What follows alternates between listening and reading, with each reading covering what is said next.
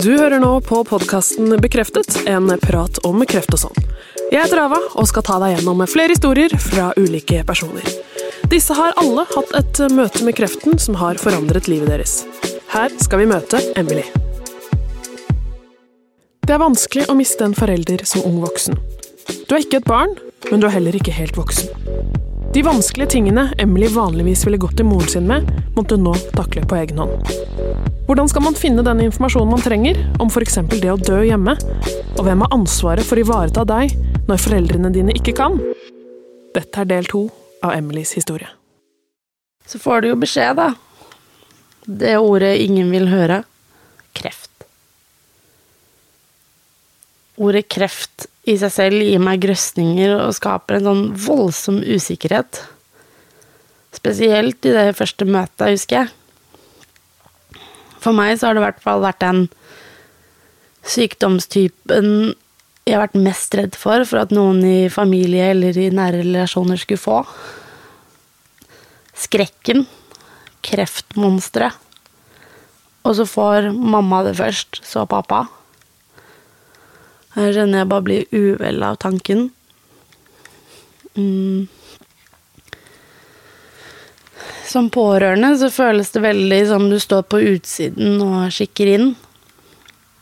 Ikke fordi foreldrene mine nødvendigvis var veldig dårlige på å dele informasjon alltid. Um, selv om de var selektive på visse ting som de mente at kunne være tungt for oss, da, og ville skåne. Men um, jeg tror det heller handler om at fordi jeg var så nære mamma og pappa, men likevel oppføles det som jeg står på sidelinjen uten, av, uten kontroll, og er hjelpeløs. Når jeg ser tilbake på hele prosessen mellom eh, med to kreftsyke foreldre og mamma som ønsket hjemmedød, så tror jeg det er det er hovedsakelig informasjonen fra helsepersonell som savnes. Um, som pårørende og ung voksen er det lite informasjon. Um, kanskje da spesielt fordi jeg ikke var ansett som et barn mellom 0 til 18 år. Og det var opp til foreldrene mine å dele uh, den informasjonen som behøves. Men for meg så var det mye å be av mamma som er så syk og skal sette seg ned med datteren sin og fortelle absolutt alt eh, for at jeg kan kunne gi henne en verdig død hjemme. Hennes instinkt er å skjerme og beskytte ungen sin, ikke påføre meg mer vondt. Um, og så er det jo samtidig noe med at hun skal jo prosessere den informasjonen hun har fått selv. Og så skal du videreformidle den til meg. Og det er jo klart at Én eh, uh, ting er at hun ikke har lyst til å fortelle, men også hva er det som går tapt på veien, da? Jeg kjenner jeg savner et savn uh, Et savn etter et pakkeforløp for pårørende. For oss som er i ventesorg. Hvor de kan fortelle med egne ord om hvilken belastning det er, og hvilken grad man blir forberedt på hva en har å møte. Altså Hva innebærer det å være en pårørende? Um, min oppfattelse er at vi ofte blir glemt oppi alt. Og at man ikke forstår um, hvilken belastning og hva man påfører oss, uh, uten at vi helt vet hva vi har gått med på, da. Jeg skulle ønske sykepleiere kunne få mer frihet, uh, og kanskje um, autorasjon til å dele informasjon. Vi, har, vi pårørende, jeg, har ingen forutsetning for å vite hva begreper innebærer, eller betydning av hva leger og sykepleiere sier. Det er et tungt og vanskelig språk. Terminal på slutten, hva kan man forvente, hva kan jeg gjøre for å tilrettelegge? Sette meg inn i den informasjonen som jeg har blitt lest opp på i ettertid, som kunne forberedt sjokket mye. Å hjelpe meg å pleie mamma på kan kanskje veldig mye finere og mer omsorgsfull og verdig måte, da. Spesielt når hun ønsket å dø hjemme. Foruten informasjonen mamma ga til meg, så er det nok ingen som stilte spørsmål til hvorvidt hva jeg eller søsknene mine eh, ble fortalt, eller hva vi trengte. Det var ingen som direkte sjekket opp på oss om hvordan vi hadde det, eller om vi forsto hva som skjedde rundt oss. Um, hver dag tror jeg jeg våknet og tenkte hvilken rolle skal man spille i dag? Er jeg datter? Sykepleier, venn, støttespiller, bare Emily, eller var jeg alle de overnevnte? Ved å gå gjennom en sånn prosess, så tror jeg du Du blir allerede den samme igjen. Mm. For det er jo ingen som forbereder deg på at du ikke bare mister en nær, men du mister en del av deg selv også. For når du mister en forelder i 20-årene, så er det forventet at man skal takle dette som en voksen. Men inni seg så føler man seg kanskje som et barn. Jeg har på mange måter etter mammas død følt meg foreldreløs og ubetydelig. Det vil si det at en forelder eller en voksen person, helst en mamma, ser meg og setter meg først. Måten de kan vise omsorg på, kjærlighet og trøste meg. Spesielt det å løfte meg opp når det er mørkt og vanskelig. Jeg tror det er flere måneder siden en voksen person har møtt meg eller ringt meg for å sjekke om jeg har det bra, eller bare for å Bare det å si hei, da. Så gjør at jeg føler meg så alene og forlatt, selv når jeg har familie og andre rundt meg som betyr enormt masse. Men det er en form for kjærlighet de ikke klarer å erstatte.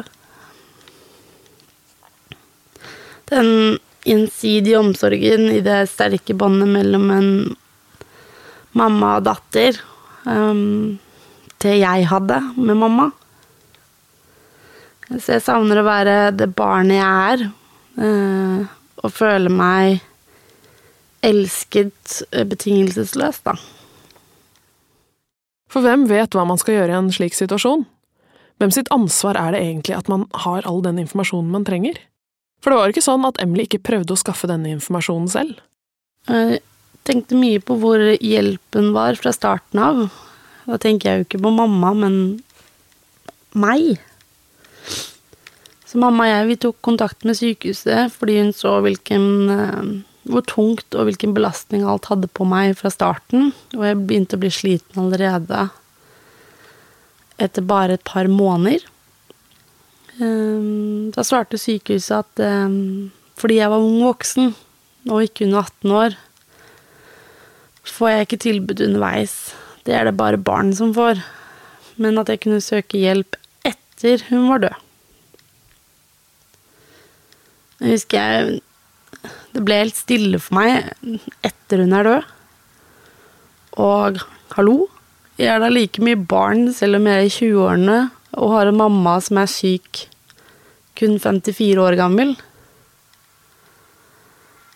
Um,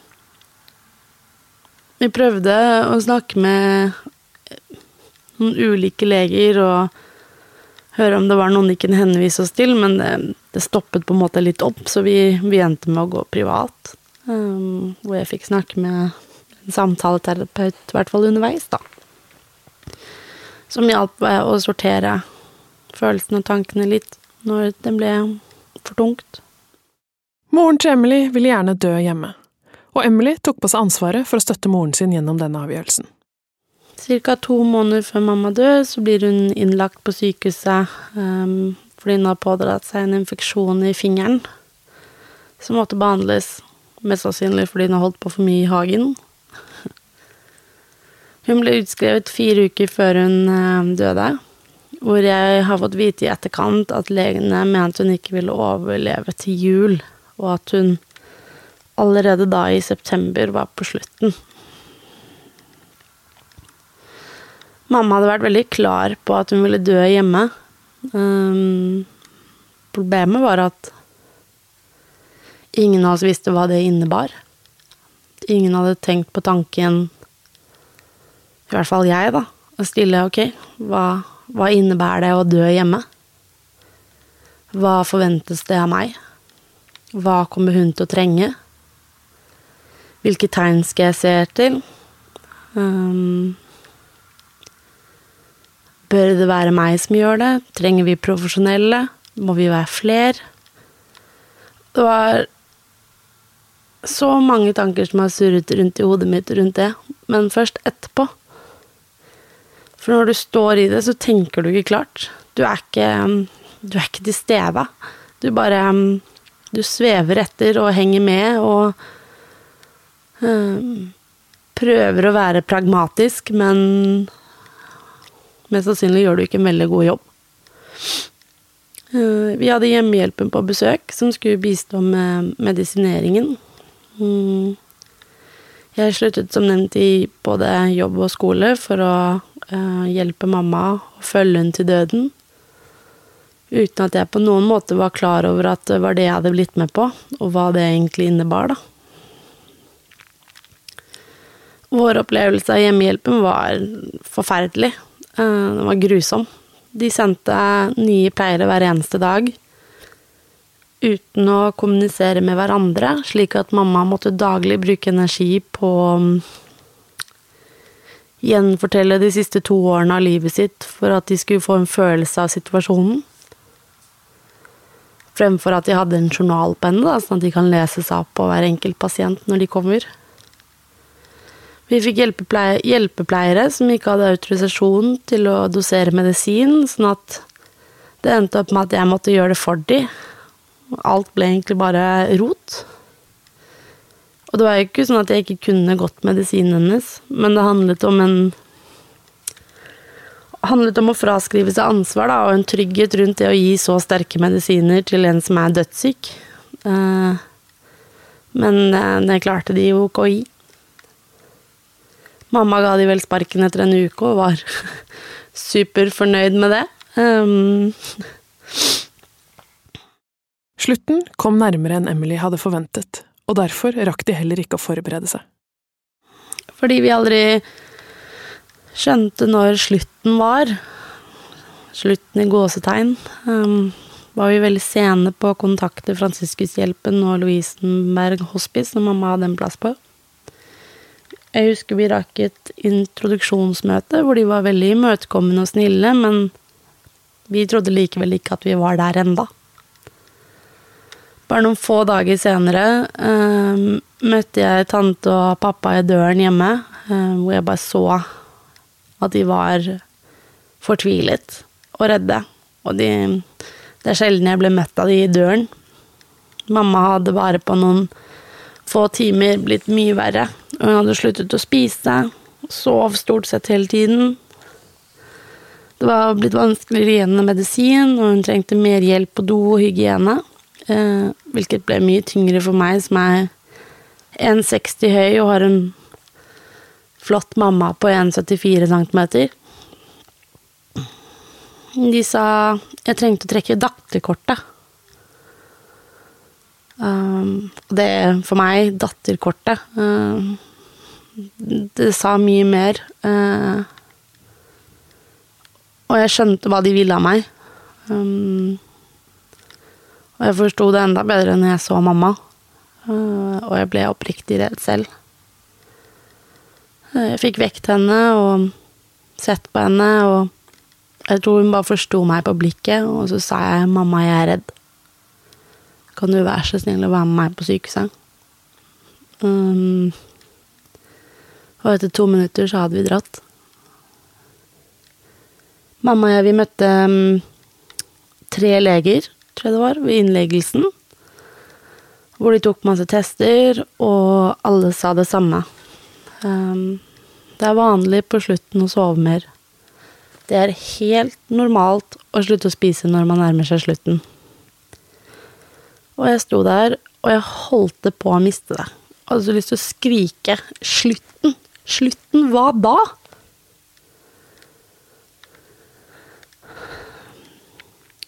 Um, bare noen få uker før mamma da um, døde og var innlagt på sykehuset sist, så spurte jeg overlegen hennes om hvor lenge hun trodde at mamma hadde igjen. Jeg husker jeg hadde Jeg hadde behov for et konkret svar, noe å forholde meg til.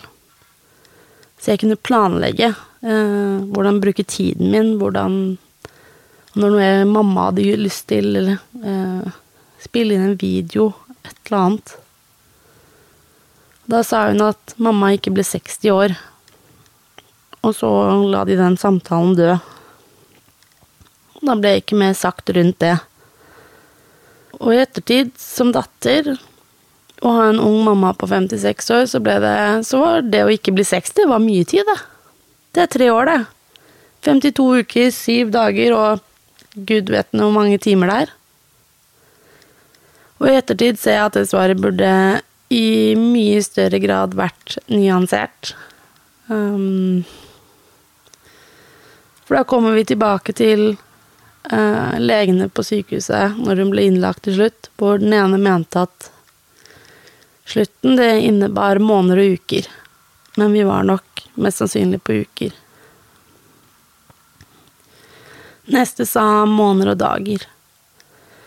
Men så kom samme overlege innom på slutten av dagen og sa sier ha det til deg. Jeg sier ha det til deg nå, Elisabeth, for jeg vet ikke om du er her på mandag. Um, så på én dag så har jeg gått fra nesten fire år til tre dager. Og hvordan forholder man seg til det? Selv om Emily trodde hun var godt rustet til å pleie moren sin hjemme, var det noe som gjorde at hun ikke helt oppfattet situasjonen slik den var?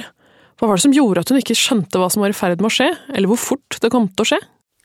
Det er litt sånn tredelt. Det ene er jo øh, hva jeg vet selv kan fra før, og hvilke forutsetninger jeg har for å på en måte forstå hva som skjer. Det andre er jo hvor mye hun deler, øh, og øh, er ærlig med meg om. Eller forsøker å skjerme meg på. Og det tredje er jo faktisk hva sykehuset informerer om. Um, og forventer, eller tror jeg kan, eller ikke. Vi så jo at hun ble gradvis sykere, og at jeg um, At jeg skulle være der for henne. Um, men jeg var nok ikke klar over hvor syk hun faktisk kom til å bli. Uh, jeg ble jo ikke fortalt heller hva jeg kunne forvente. Uh, ikke har jeg vært med om det før heller. Um, ikke i den forstand at man dør av en sykdom, da. Jeg har møtt døden før, men da har jeg kommet til at noen har allerede gått bort. Jeg har ikke vært med på en sånn prosess som det her. Um, jeg vet ikke hvilke tegn jeg skulle se etter. Um, jeg var egentlig ikke klar over at hun faktisk allerede holdt på å dø de fire ukene vi var hjemme, da. For var det sånn at mammaen til Emily selv visste at hun kom til å dø? Ja, det tror jeg. Eller jeg vet hun vet. Fordi hun var veldig opptatt av å kontakte en eh, advokat og bli ferdig med testamentet sitt, og stresset på det. Um, men jeg tror det ærligste samtalen vi hadde hatt, var at jeg spurte henne om hun var redd. Og da sa hun nei. For jeg tror hun oppriktig ikke var redd for døden i seg selv. Eh, jeg tror hun var mer opptatt av eh, å være redd eller lei seg på vegne av oss fordi hun ikke kom til å være til stede videre. Hun hadde så sykt lyst til å være med. Hun, hun ville ikke forlate oss, da, og det som skulle komme alle milepæler hun ville gå glipp av. Og det var vel også derfor bryllupet ble så enormt viktig for henne. Én ting var jo at hun fikk følge datteren sin og være med hennes eneste datter sitt bryllup, men hun har jo også da gitt brødrene mine en form for følelse hvis de skulle gifte seg en dag, at de vet hvordan det hadde vært hvis hun var der, da. Men eh, Nei, jeg tror hun var veldig klar over hva som skjedde. Men hun var mest opptatt av å ikke ha smerte. Hun kunne godt leve så lenge hun hadde det vondt. Men det var det at det begynte å gjøre så veldig vondt på slutten. Eh, og det var vel egentlig derfor hun også var veldig tydelig om at nå gir jeg opp. For det sa hun også. At hun var på en måte ferdig med å kjempe. Og hadde slått seg til ro med det, da. For det første så hadde jeg nok vært mer vågal i å stille henne uh, spørsmål om hvordan hun ville ha det. Um, og det tror jeg nok også da hadde hjulpet henne med å få en bedre pleie. Um, både fordi vi kanskje gikk litt sånn uh, Hva skal man si uh, Vi gikk veldig oppå henne. Um, var veldig redd for at hun skulle falle, være alene. Så hun fikk liksom ikke noe eh, rom for seg selv på slutten. Det var alltid en av oss hjemme, eh, som sikkert gjorde henne helt sprø. For hun var veldig selvstendig og uavhengig av andre. Og så det at vi går og ruger da, rundt, eh, tror jeg ble veldig belastende for hun i seg selv. Um, men um, Og så hadde jeg nok um, Jeg kjenner jo på at det er jo eh, visse ting jeg kanskje hadde hatt lyst til å spørre om eh, hvis jeg hadde visst. Eller bare så enkelt sånn med teknologien vi har i dag, å spille inn en video hvor mamma sier hun er glad i meg, så jeg kan på en måte holde på stemmen hennes, lyden. Eh, jeg har tatt opp telefonsvareren hennes, men det er liksom det er ikke det samme, da. Uh, eller spurt hva hun ønsket for oss for fremtiden, eller hvis jeg blir lei meg når hun er borte, hva skal jeg, hva skal jeg gjøre? Altså, forberede meg litt mer på et liv uten henne, da. Og inkludere henne i den prosessen. Men istedenfor så var vi for redda og unngikk å snakke om døden fordi det er skummelt. Nå sitter Emily igjen med masse spørsmål om hvordan ting kunne vært dersom hun bare hadde visst. Og hun føler helsevesenet kunne gjort mye annerledes for at hun skulle forstå hva hun var med på, og hvor lang tid de hadde igjen sammen. For meg nå så er det så synlig at det ble i liten grad lagt til rette for at mamma som døende og vi rundt eh, som skulle leve videre, ble støttet frem til dødens terskel på best mulig måte, da. Jeg følte det ble ensidig lagt vekt på å holde henne i live, og når det faktisk ble et faktum på at det ikke var noen vei tilbake, så glemte vi å forberede meg på døden og da kanskje hennes største ønske hjemmedød. Så nå er det litt sånn at jeg føler jeg sitter fast i en eksistensiell krise. Um, fanget og låst i den alderen jeg var i når jeg først opplevde traumen. Det er rart at verden blir eldre, men jeg på sett og vis uh, blir ikke det. Jeg syns det er merkelig at jeg har fylt 30 år nå. For jeg klarer ikke å relatere til tiden som har gått. Man kan si um, det emosjonelle regnestykket går ikke opp hva tid angår, liksom. Uh, så sorgen har gjennomsyret livet mitt på mange måter. Å være omgitt alle minnene er ofte en overveldende følelse og til tider vanskelig å kjempe seg gjennom. Um, for jeg ser mamma overalt. Men jeg syns det er fortsatt i dag en vondest når jeg ser døtre med sine egne mødre. Og jeg misunner dem. For jeg skulle gjort hva som helst for bare ett minutt til med min egen. For hver gang jeg tenker på henne, så er det latteren og den ivrige stemmen med stavangerdialekten jeg kan høre klangen av. Jeg savner mammaen min hver eneste dag. Um, døden virker så brutalt endelig, uh, og smerten slipper ikke alltid tak. Og det som gjør den så utålelig, er vissheten om at mamma ikke kommer tilbake. Men én ting jeg er sikker på, um, og det er at mamma er med meg alltid. Og lever med oss rundt. Emily trodde hun skulle få mer tid sammen med moren. Og igjen står hun uten sikkerhetsnettet som alltid har vært der. I neste episode forteller Emily om livet uten moren Elisabeth. Takk for at du hørte på Bekreftet, en prat om kreft og sånn. Denne sesongen er produsert for Ung Kreft av både og med støtte fra Kreftforeningen. For å lese mer om Ung Kreft, gå inn på ungkreft.no.